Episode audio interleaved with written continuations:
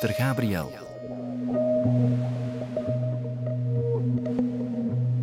Het is al even geleden, maar weet je nog hoe de eerste aflevering van deze podcastreeks begonnen is? Juist, met die zoektocht op de plaats waar de woning van Gaston Morny had gestaan. In oktober 2021 was dat. Maar dat was niet het begin van mijn zoektocht. Op dat ogenblik was ik al maanden met het dossier bezig. En op een dag had ik aan de pastorie een aanvraag voor een bouwvergunning zien ophangen. Ik heb toen het parket laten weten dat de pastorie zou worden afgebroken. En na mijn telefoontje hebben ze dus beslist om toch nog eens te gaan graven. Maar daar kom ik volgende aflevering nog even op terug. Goedemiddag. Achter moeten eh, Eerst ga ik je nog iets verder mee terugnemen in de tijd. Niet zoveel, een paar maanden maar. Naar augustus 2021. De poort van achter stond open. Ik was al eens langs daar. Twee stappen binnen gaan kijken. Net voor het gebouw zou worden afgebroken, ben ik er eens binnen gaan rondkijken in die pastorie van Morny. Samen met Julie de Blauwe, dat is de huidige directeur van de school. Jullie de blauwe directeur tegenwoordig van het Oscar College. Dus, Ja, Mark Bokstaal, ik heb destijds hier het onderzoek gedaan. Hè. En ook Mark Bokstalen was erbij. Dat is een naam die je al eens gehoord hebt. Hij is de hoofdcommissaris van de gerechtelijke politie in Aalst, die het tweede, het grondige onderzoek naar de verdwijning van zuster Gabriel heeft geleid vanaf 1990. En ik had hem uitgenodigd om eens mee te komen kijken naar die plaats waar hij zo vaak is geweest, voor ze definitief zou verdwijnen. Op dat ogenblik was de bouwfirma al een paar weken bezig met de voorbereidende werken voor de echte sloop. Ja, en je lieve ook niet te verongelukken. Ik ben niet van de handigste, maar ik zal opletten. Ja, ik zei het al, het Sint-Vincentius Instituut vormt nu één gemengde school met het vroegere Heilige Maagd College. Dat is de jongensschool waar ik zelf zes jaar heb gezeten. Maar in mijn tijd, ik word oud, ja, in mijn tijd waren deze gebouwen strikt verboden terrein voor Ik ben ons. hier vroeger ook nooit geweest, want we mochten hier niet komen natuurlijk. Ja, dat was nogal hermetisch. Dat En dus ben ik blij dat ik hier ook eens kan rondstappen om een beeld te krijgen van al die lokalen waar ik al zoveel over gelezen en gehoord heb. De pastorie, het klooster, de studiezaal van de zusters waar de ruzie was tussen Gabriel en Morny. Dus nadenken waar haar kelder precies was, want dat moet hier ook ergens geweest zijn. Maar ik weet niet of we daar gaan binnen kunnen straks. En vooral dus de kelder van zuster Gabriel, waar ze zo vaak zat en waar ze misschien ook vermoord is. Die wil ik echt zien. In het lokaal daar links zit er een duif. We zijn nu in het vroegere klooster.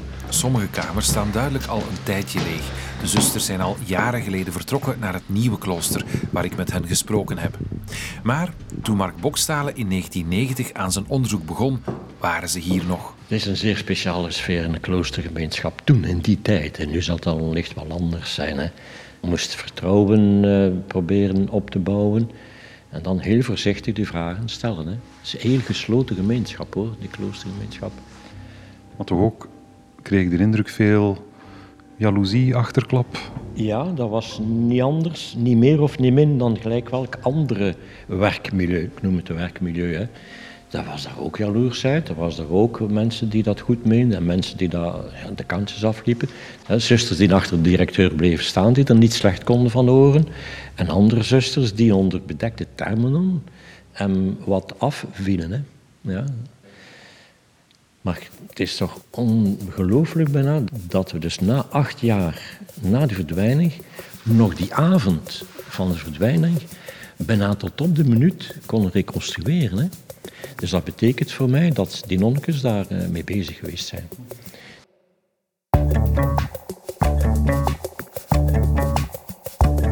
En op die wijze hebben we hem op heel wat leugens en tegenstrijdigheden betrapt. Kwam dan op zijn verklaringen terug.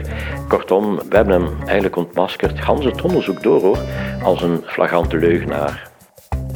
Je luistert naar Waar is zuster Gabriel? En mijn naam is Filip Heijmans.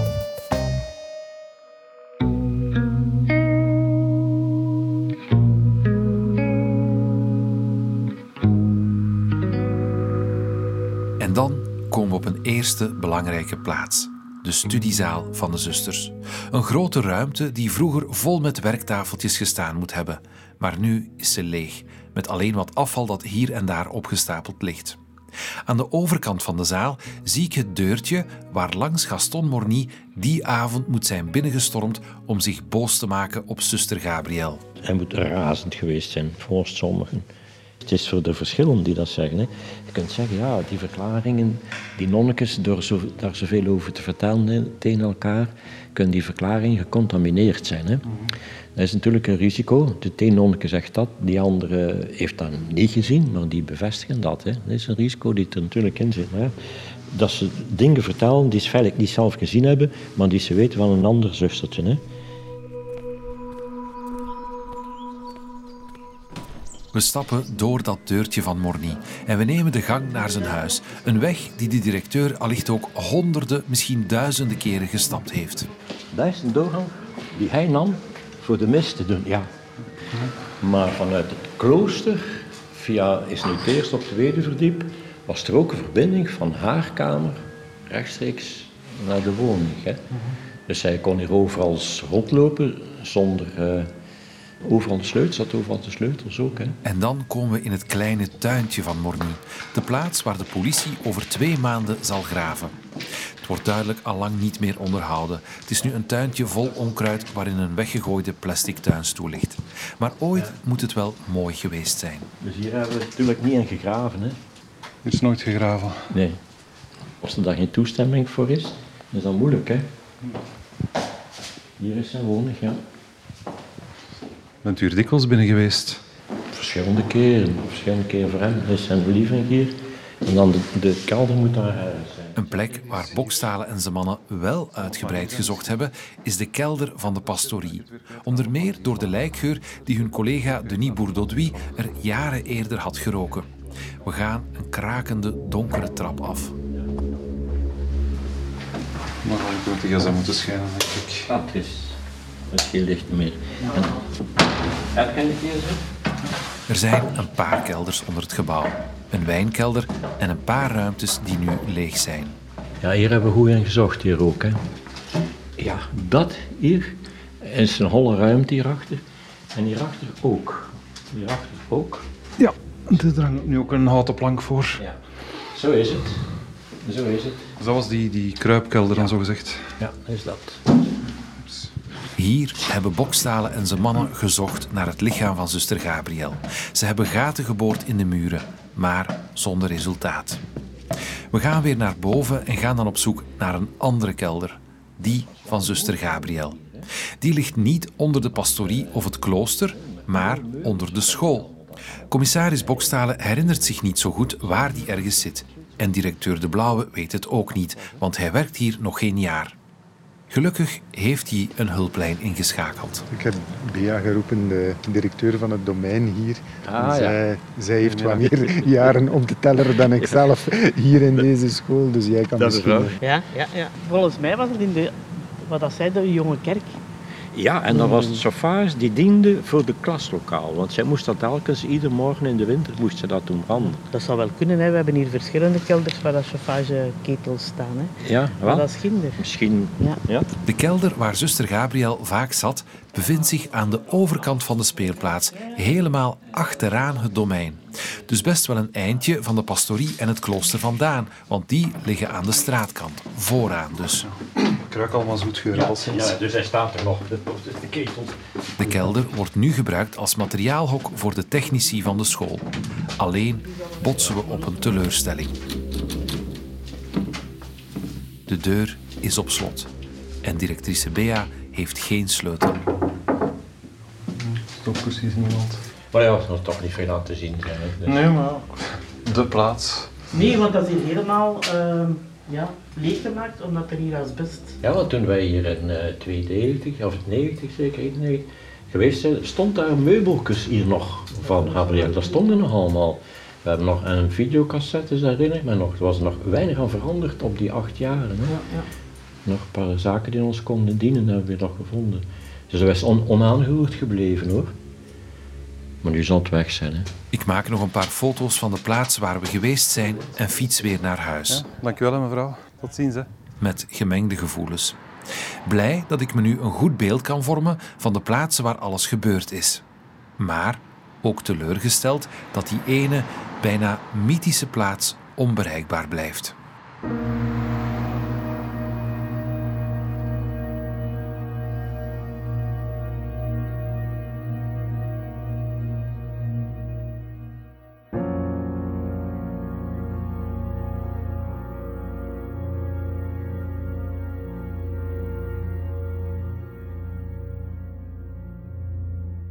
Eigenlijk, gans die zaak van de verdwijning van zuster Gabriel is heel simpel. Een hele simpele zaak hoor. Een paar maanden later heb ik opnieuw afgesproken met commissaris Bokstalen. In alle rust bij hem thuis. En jawel, hij is een politieman en dus heeft ook hij zijn papieren van toen voor zich liggen. Want dat, dat weet ik het hoofd niet meer. Hè. Dit is de man die in 1990 en 1991 wel grondig onderzoek kon doen naar de verdwijning van zuster Gabriel. Die zijn best heeft gedaan om Gaston Morny te laten bekennen dat hij verantwoordelijk was. En dat allemaal, volgens verschillende mensen, omdat hij de naam van Morny had opgemerkt in een drugsonderzoek. Dat uh, drugdossier dat, dat is mij volledig onbekend. Maar dat klopt dus niet, volgens Bokstalen. Over een drugszaak weet hij niks. Nee, volgens hem zit het anders in elkaar. Hij was toen hoofd van de afdeling moordzaken van de gerechtelijke politie in Aalst. Wij hadden een goede, goed draaiende afdeling moordzaken. En af en toe stortte zijn team zich op zogenaamde cold cases, oude zaken die maar niet opgelost raakten. En in 1990 beslisten ze om de zaak van zuster Gabriel eens van onder het stof te halen. Het heeft altijd blijven sluimeren onder de personeelsleden dat er toch iets aan de hand was met die verdwijning. En dan hebben wij het dossier opgevraagd bij het parket en dan met ons drieën, dus ikzelf en nog mijn medewerkers, die dat uitgeplozen hebben, onafhankelijk van elkaar. En van dan af hebben wij volledig carte blanche gekregen om dat verder uit te spitten gedurende ja, meer of een jaar. Bokstalen en zijn twee medewerkers lezen het dossier na en ze komen alle drie, los van elkaar, tot dezelfde conclusie. Ja, die hypothese was direct duidelijk hoor. Als je die dossier analyseert, was direct duidelijk dat het de directeur was die er iets mee te maken had. En dat vind ik toch heel opvallend. Drie politiemensen lezen onafhankelijk van elkaar het dossier zoals dat al een paar jaar bij het parket stof ligt te vergaren. En alle drie denken ze dat ze in de richting van Morny moeten kijken. Iets waarvan hun collega's trouwens gezegd hebben dat ze het in 1982 ook al vermoeden. Maar toch is het spoor acht jaar lang eigenlijk niet onderzocht. Ja, meneer Boeredwie, dus de, de collega die uh, het eerste onderzoek heeft gedaan, die was niet meer betrokken bij het onderzoek. En ik meen me toch herinneren dat ik destijds met hem gesproken heb over die zaak. En ik herinner mij dat hij zich ook ongerust maakte dat hij bepaalde zaken niet had eh, kunnen doen. Tegen mij zei hij: Kijk, ik, ik mocht inderdaad op dat ogenblik een aantal handelingen niet stellen. En in 1990 mocht collega Bokstalen die wel, dus daar moet wel ergens iets veranderd of gebeurd zijn. Ja, dat is wel mogelijk dat collega dat zegt. En er is een verandering geweest van procureur. En ik kan u zeggen, vanaf dat moment heb ik met mijn afdeling alles kunnen doen wat ik voorstelde. De procureur zelf, dus de baas van het parket van Dendermonde, is in 1990 nog altijd dezelfde als in 1982. Maar zijn rechterhand, de eerste substituut die ook het onderzoek naar zuster Gabriel leidde, die was intussen wel met pensioen. En het onderzoek zat dus bij een andere substituut. Zat daar het verschil? We zijn zelfs in overleg geweest met het uh, procureur-generaal in Gent.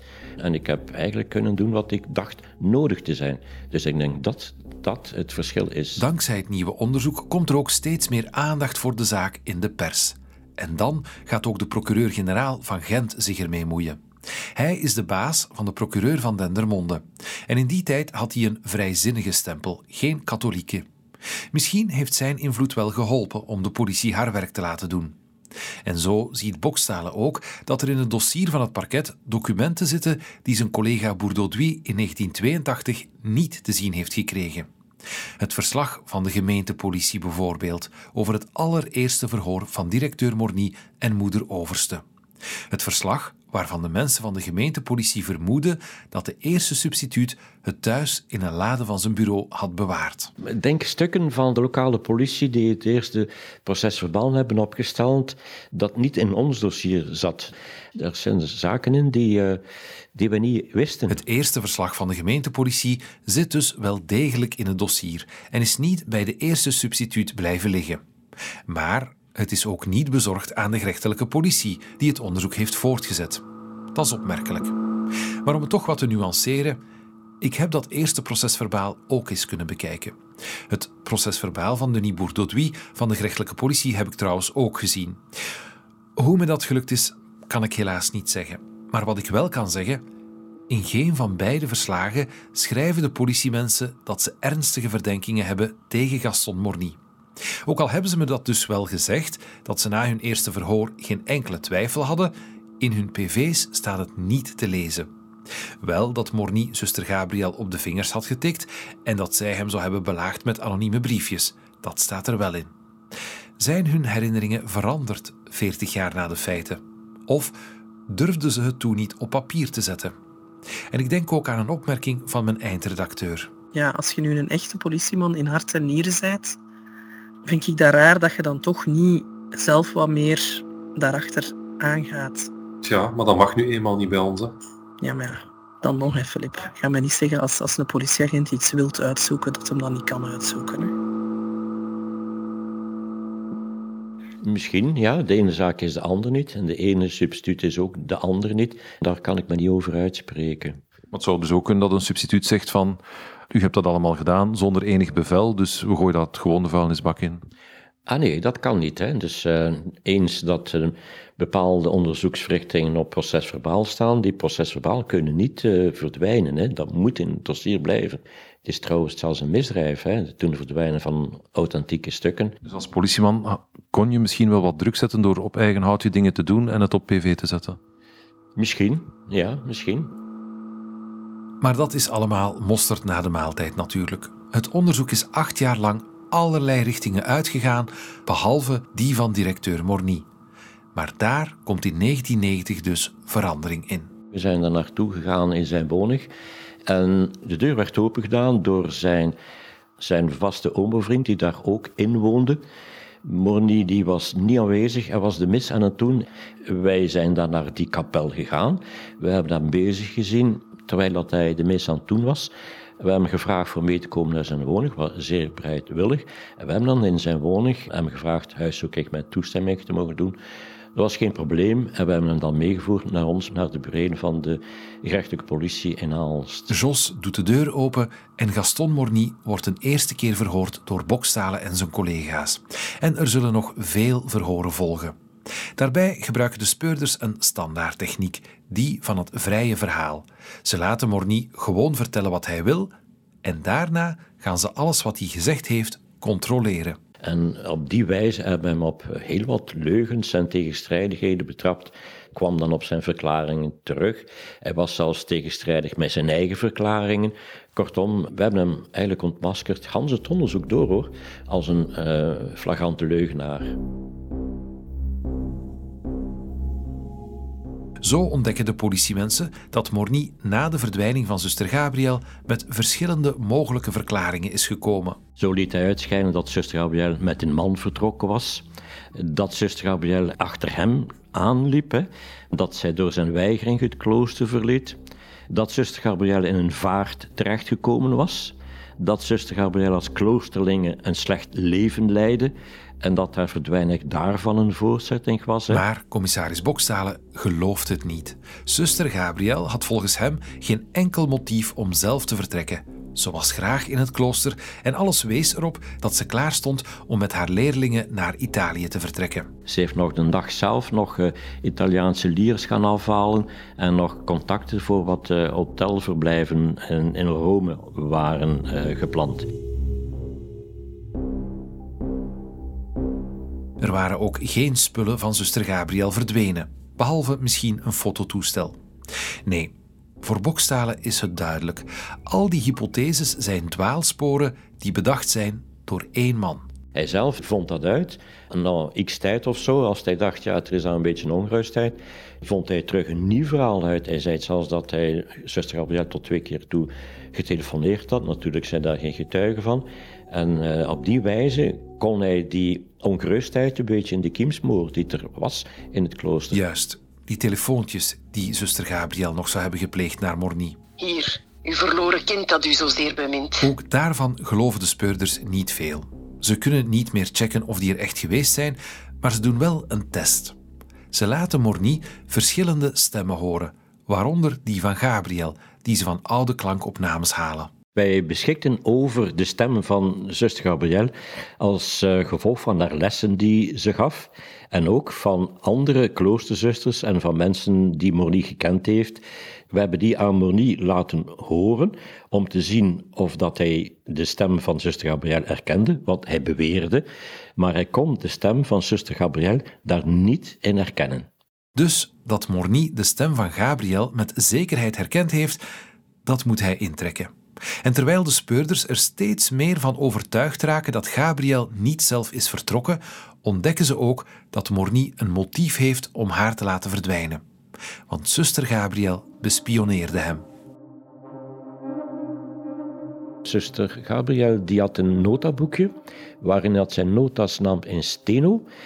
En de moeder overste had dat. We wisten dat niet. En na een paar maanden of zo, die zei ze, kijk, hier is het boekje, het uh, notaboekje van zuster Gabrielle. En ze dat uit eigen beweging aan ons gegeven. We wisten niet van het bestaan daarvan af. Dat is toch ook wel vreemd dat de toenmalige moeder-overste dat boekje van zuster Gabriel jaren heeft bijgehouden voor ze het uiteindelijk aan de politie wilde geven. Zij had dat al die jaren achtergehouden. Dus uh, het is pas toen zij gewaar werd dat we daar maar bleven op insisteren en uh, om die zaak op te lossen, hè, dat ze daarmee naar boven gekomen is. Waarom heeft ze dat gedaan? Dat is een goede vraag, maar we kunnen het haar niet meer vragen.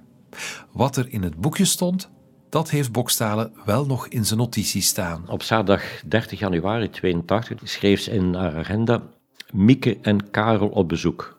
Foto's van huwelijk. Discussie over diaconaat van de vrouw. En dan tot s'avonds laat. En dan, we hebben daarover verhoogd, uit het vrouw van betrokkenen blijkt dat de inhoud van dat gesprek juist is en dat ze, zuster Gabrielle vermoedelijk het gesprek heeft afgeluisterd, want ze was daar niet bij aanwezig. Dus is een, een indicatie dat ze inderdaad wel een woning kon en dat ze gesprekken afluisterde. En dan op 8 februari 82 in dat agenda in Steno, dus een maand voor de verdwijning staat, bezoek van Achille voor de middag, telefoon na de middag rond 2 uur 30. Achille plus s'avonds de 8 uur 20 tot 9 uur gepraat over homofilie langs voor en langs buiten. En dan nog op 11 februari staat in de agenda achter brieven uit Mertem. Bovenhoekstraat zoveel. Telefoon uit bureau en dan onleesbaar slaapkledij paars-wit. Kortom, uit die notas die kunnen we opmaken dat ze inderdaad wel Morny aan het observeren was. Eerlijk gezegd, ik vind niet dat er veel uit af te leiden valt. In elk geval niets echt compromitterends voor Morny. Nee, natuurlijk, het is maar één boekje van het laatste jaar. Misschien dat er nog een boekje is van de voorgaande jaren, maar dat hebben we niet gevonden. Maar het is dus wel duidelijk dat Gabriel hem in de gaten hield. Zij had in haar uh, kelder een systeem om sleutels bij te maken. En op die wijze kon zij ook in de kamer van Morny. Morny heeft dat gewaar geworden omdat er bepaalde zaken verdwenen uit zijn kamer. En van dan af deed hij minder beroep op Gabrielle om haar uh, als chauffeur aan te stellen. En heeft hij dan een auto aangekocht waarmee dat hij een andere chauffeur had om haar rond te voeren. Op die wijze die stelde hij zuster Gabrielle wat buitenspel. En dat is zo'n kentering geweest, zo uh, voor nieuwjaar moet dat geweest zijn, voor haar verdwijning. Eind 1981, enkele maanden voor haar verdwijning, zegt Morny dat hij Gabriel niet meer nodig heeft als chauffeur. Hij koopt een eigen auto, zodat hij die van het klooster niet meer hoeft te gebruiken. En hij vraagt een gepensioneerde klusjesman om zijn chauffeur te worden.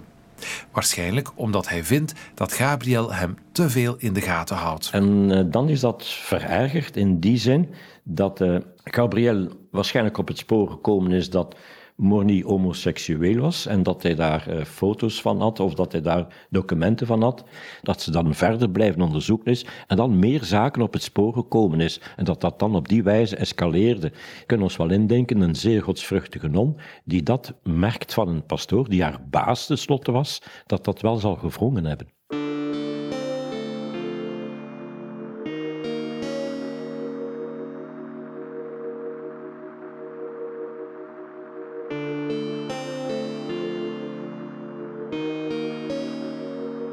Die homoseksualiteit die geeft Morny ook toe aan de politie.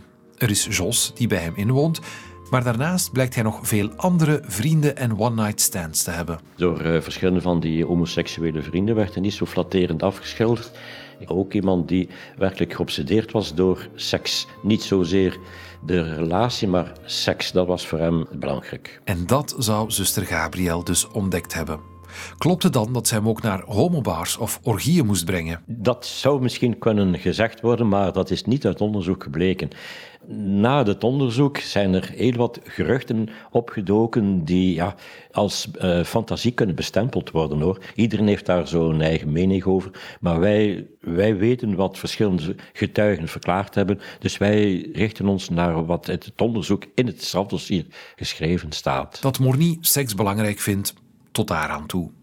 Maar er is ook dat gerucht dat hij kinderen zou hebben aangerand toen hij les gaf in Vilvoorde. Dat wordt gezegd, maar dat hebben we die niet kunnen verder uitwerken. Maar er waren daar ook toen al, in die tijd, uh, seksuele handelingen. Als ik me herinner, uit de verklaring van die abt destijds. Maar dat Morny weg moest uit de abdij, dat is wel duidelijk. Volgens dat ik hier in onze samenvatting lees, is de abt van Grimbergen verhoord. En die zegt in zijn opleiding was hij godsvruchtig, maar had een moeilijk karakter, heerszuchtig, achterdochtig en niet betrouwbaar. En reeds in Grimbergen had men over zijn homofilie-neiging gehoord en men was content dat hij in Dendermonde benoemd werd. De directeur werd ook in Grimbergen op leugens betrapt en hij kwam zijn financiële verplichtingen niet na. Hij moest aan zijn, regelmatig aan zijn geloften herinnerd worden. En daarmee komen we bij een ander mogelijk motief: het mogelijke financiële gesjoemel. Morny verdiende wel goed, maar hij gaf ook erg veel uit, zoals Jos bijhield in zijn blauwe map. We hebben zijn rekeninghuisgangst toen gecontroleerd. Bleek ook dat hij in de periode van 31-12-79 tot 31,97 een totaalbedrag van 5.600.000 frank heeft uitgegeven in checks.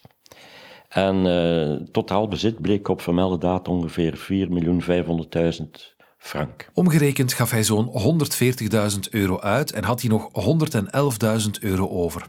Als je rekening houdt met de inflatie, zou dat vandaag samen ongeveer 530.000 euro zijn. Dat is heel veel geld in die periode. En als je dan nazicht waar hij dat geld aan uitgegeven heeft, giften, vooral aan zijn uh, homo-relaties en ook etentjes en dure dranken en zo. Kan dat dan zwijggeld geweest zijn voor zijn homorelaties? Dat is niet uit te sluiten. Hij zegt dat dat geschenken waren, maar uh, geschenken van 700.000 frank aan een van zijn homo-vrienden, dat is niet zomaar een cadeautje.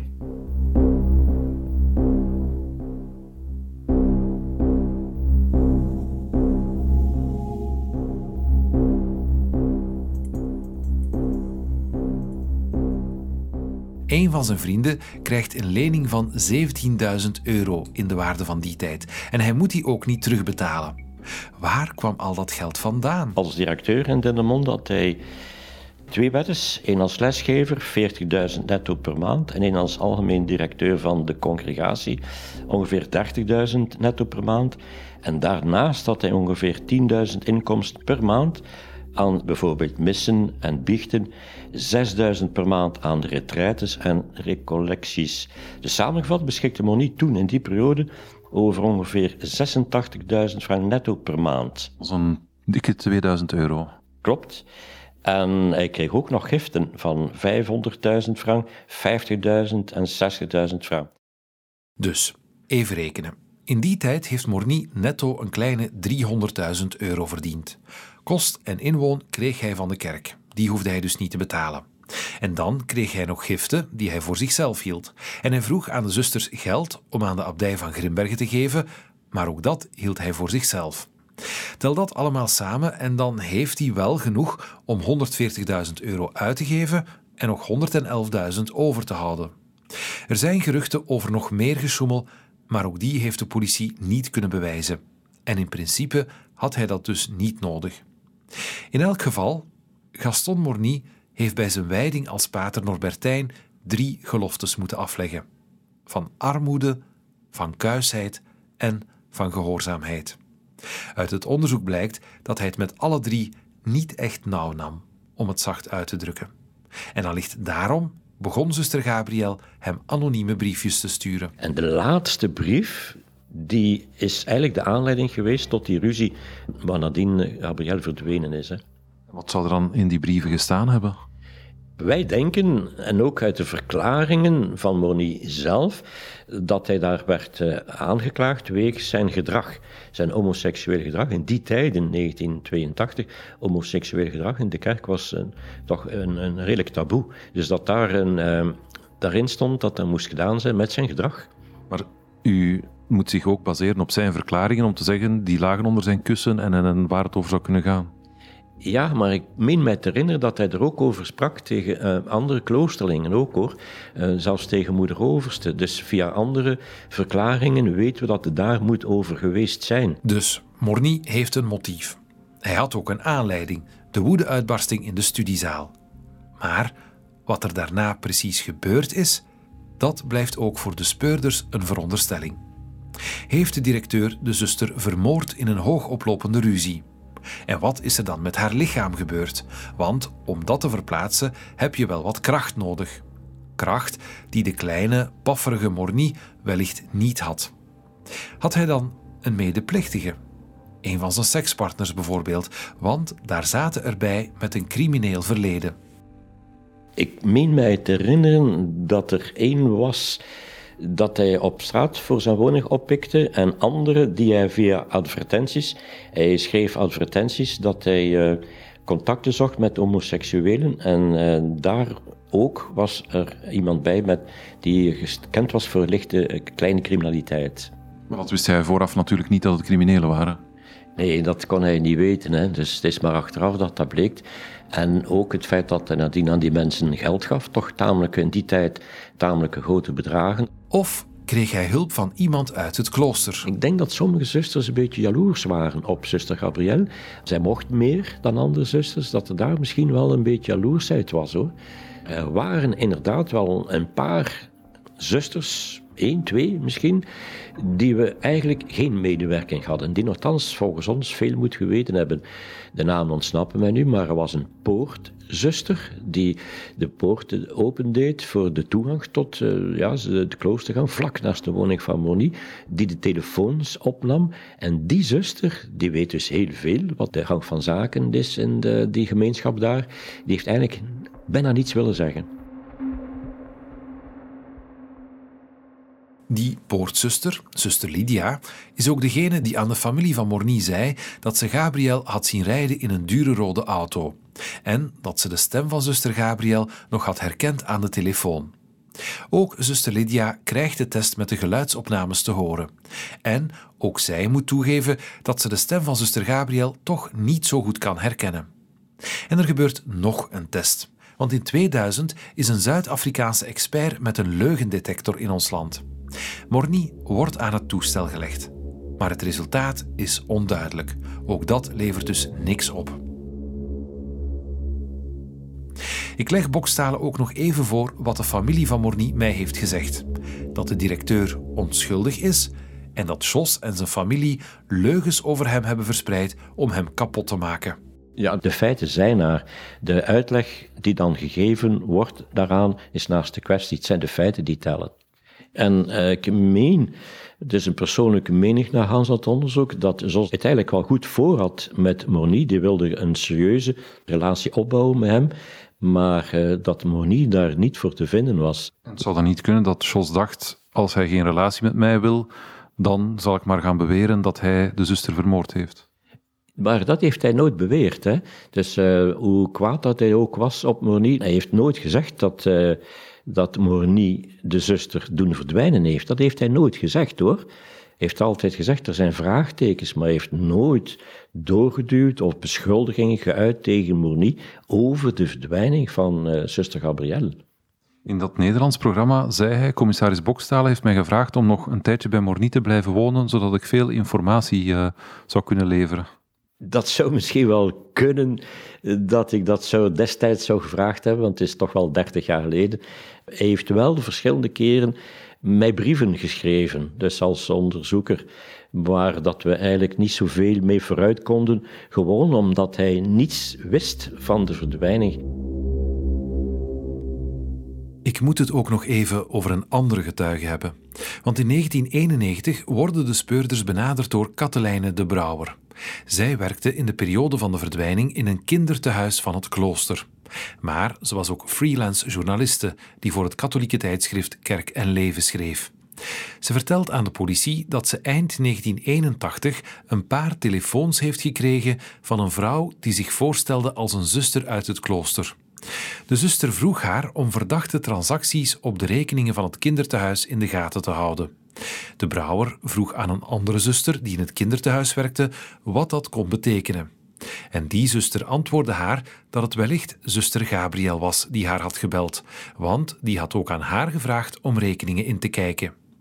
In haar derde en laatste telefoon zou de zuster gezegd hebben dat ze twijfels had over de zelfdoding van een lokale topman van het Christelijk Ziekenfonds. Die was gestorven nadat hij op de vingers was getikt voor onregelmatigheden. Maar de zuster zou gezegd hebben dat hij onschuldig was. Daarna kwamen er geen telefoontjes meer. Met die informatie stapt de brouwer naar de politie. Ze schrijft er trouwens later ook een boek over. Ja, dat weten we uiteraard ook. Dat is redelijk vlug bij ons te kennis gebracht, maar daar zien we geen verband in. We hebben dat uh, nagegaan. Er is geen verband. Ook met de verdwijning van een almoezenier in Gentse, de Gentse gevangenis, die toen ook in die periode was. Maar uh, die twee zaken zijn niet in verband te brengen met onze verdwijning van zuster Gabrielle.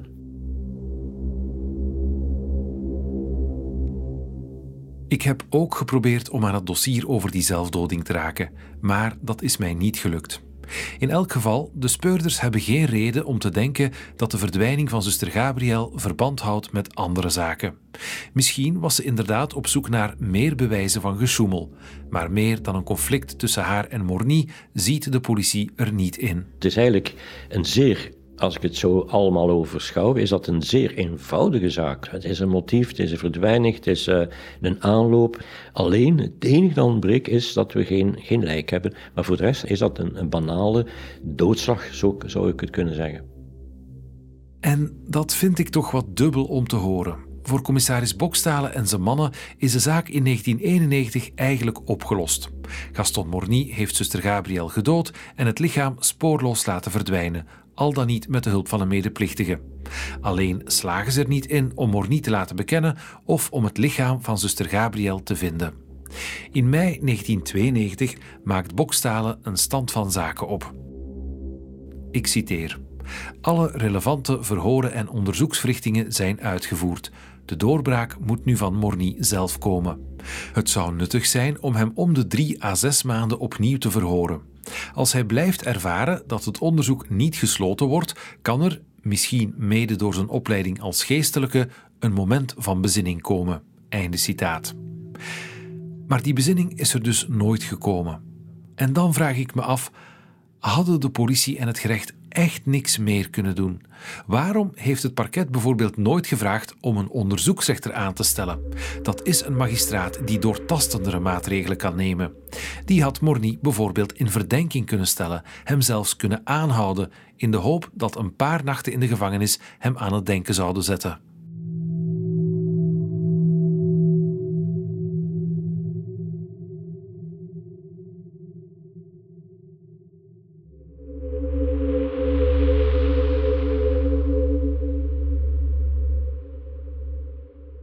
Ik zie niet in waarom wij een onderzoeksrechter nodig hadden. Wij konden huiszoekingen doen met toestemming, alle verhoren konden doen, deskundigen onderzoeken eventueel. Wij hadden geen behoefte aan een onderzoeksrechter. Maar het zou wel hebben geholpen om de directeur in verdenking te stellen en eventueel in, in voorhechtenis te nemen. Misschien had dat toch nog wat extra druk kunnen zetten. Misschien, maar ik denk dat de gegevens om dat te doen, om een arrestatie te doen, dat toch wel een beetje te weinig waren hoor. Dus een onderzoeksrechter dient vooral om iemand aan te houden, maar op dat moment met de gegevens, en nu eigenlijk ook nog, ik denk niet dat er onderzoeksrechters zijn die op basis van die elementen iemand zullen aanhouden. Maar er waren ook bijvoorbeeld grondigere huiszoekingen mogelijk geweest? Waar.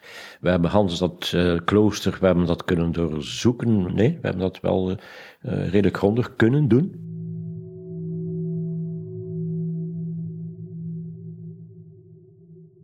Commissaris Bokstalen vindt het misschien niet nodig, maar ik blijf het raar vinden. In elk moordonderzoek zou in principe toch altijd een onderzoeksrechter aangesteld worden en hier niet. Dat wil ik later toch nog eens bij het parket navragen. En wat ik hen ook wil vragen, had het parket de directeur niet voor de rechter kunnen brengen? De politie was na twee jaar onderzoek overtuigd van zijn schuld. Zou het dan niet gelukt zijn om ook een assisejury daarvan te overtuigen? Nee, nee dat, uh, dat vrees ik dat dat niet kan. Assisezaken waar het, lijk niet gevonden is, zijn zeer, zeer zeldzaam. En um, als er dan toch in voorkomt, is de kans op een vrijspraak uh, vrij groot. Als er dan toch geen lijk is, moeten er toch andere zeer stevige bewijzen zijn hoor. Dus uh, de aanwijzingen zijn er, ja, maar niet stevig genoeg om daar een assisezaak of een gerechtszaak voor in te spannen. Maar u denkt dus, ja, u hebt een hypothese, u bent er redelijk hard van overtuigd dat die klopt, maar het zou niet tot een veroordeling geleid hebben. Ja, zo kun je het wel stellen. Dus omdat ik mij ook bewust ben met uh, mijn ervaringen dat dat te weinig is om uh, voor veroordeeld te worden door een, door een rechtbank zelfs of door een assise, een jury.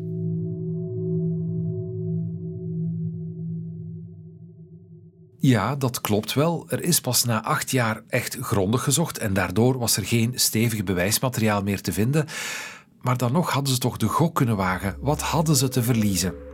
En sowieso wil ik van het parket horen waarom er pas na acht jaar gezocht is. Maar dat is voor later. Eerst wil ik eens zoeken naar het antwoord op de belangrijkste vraag: waar is zuster Gabriel eigenlijk? Allee, wat dat, dat hier was, graven en buren s'nachts. En kloppen. En kloppen.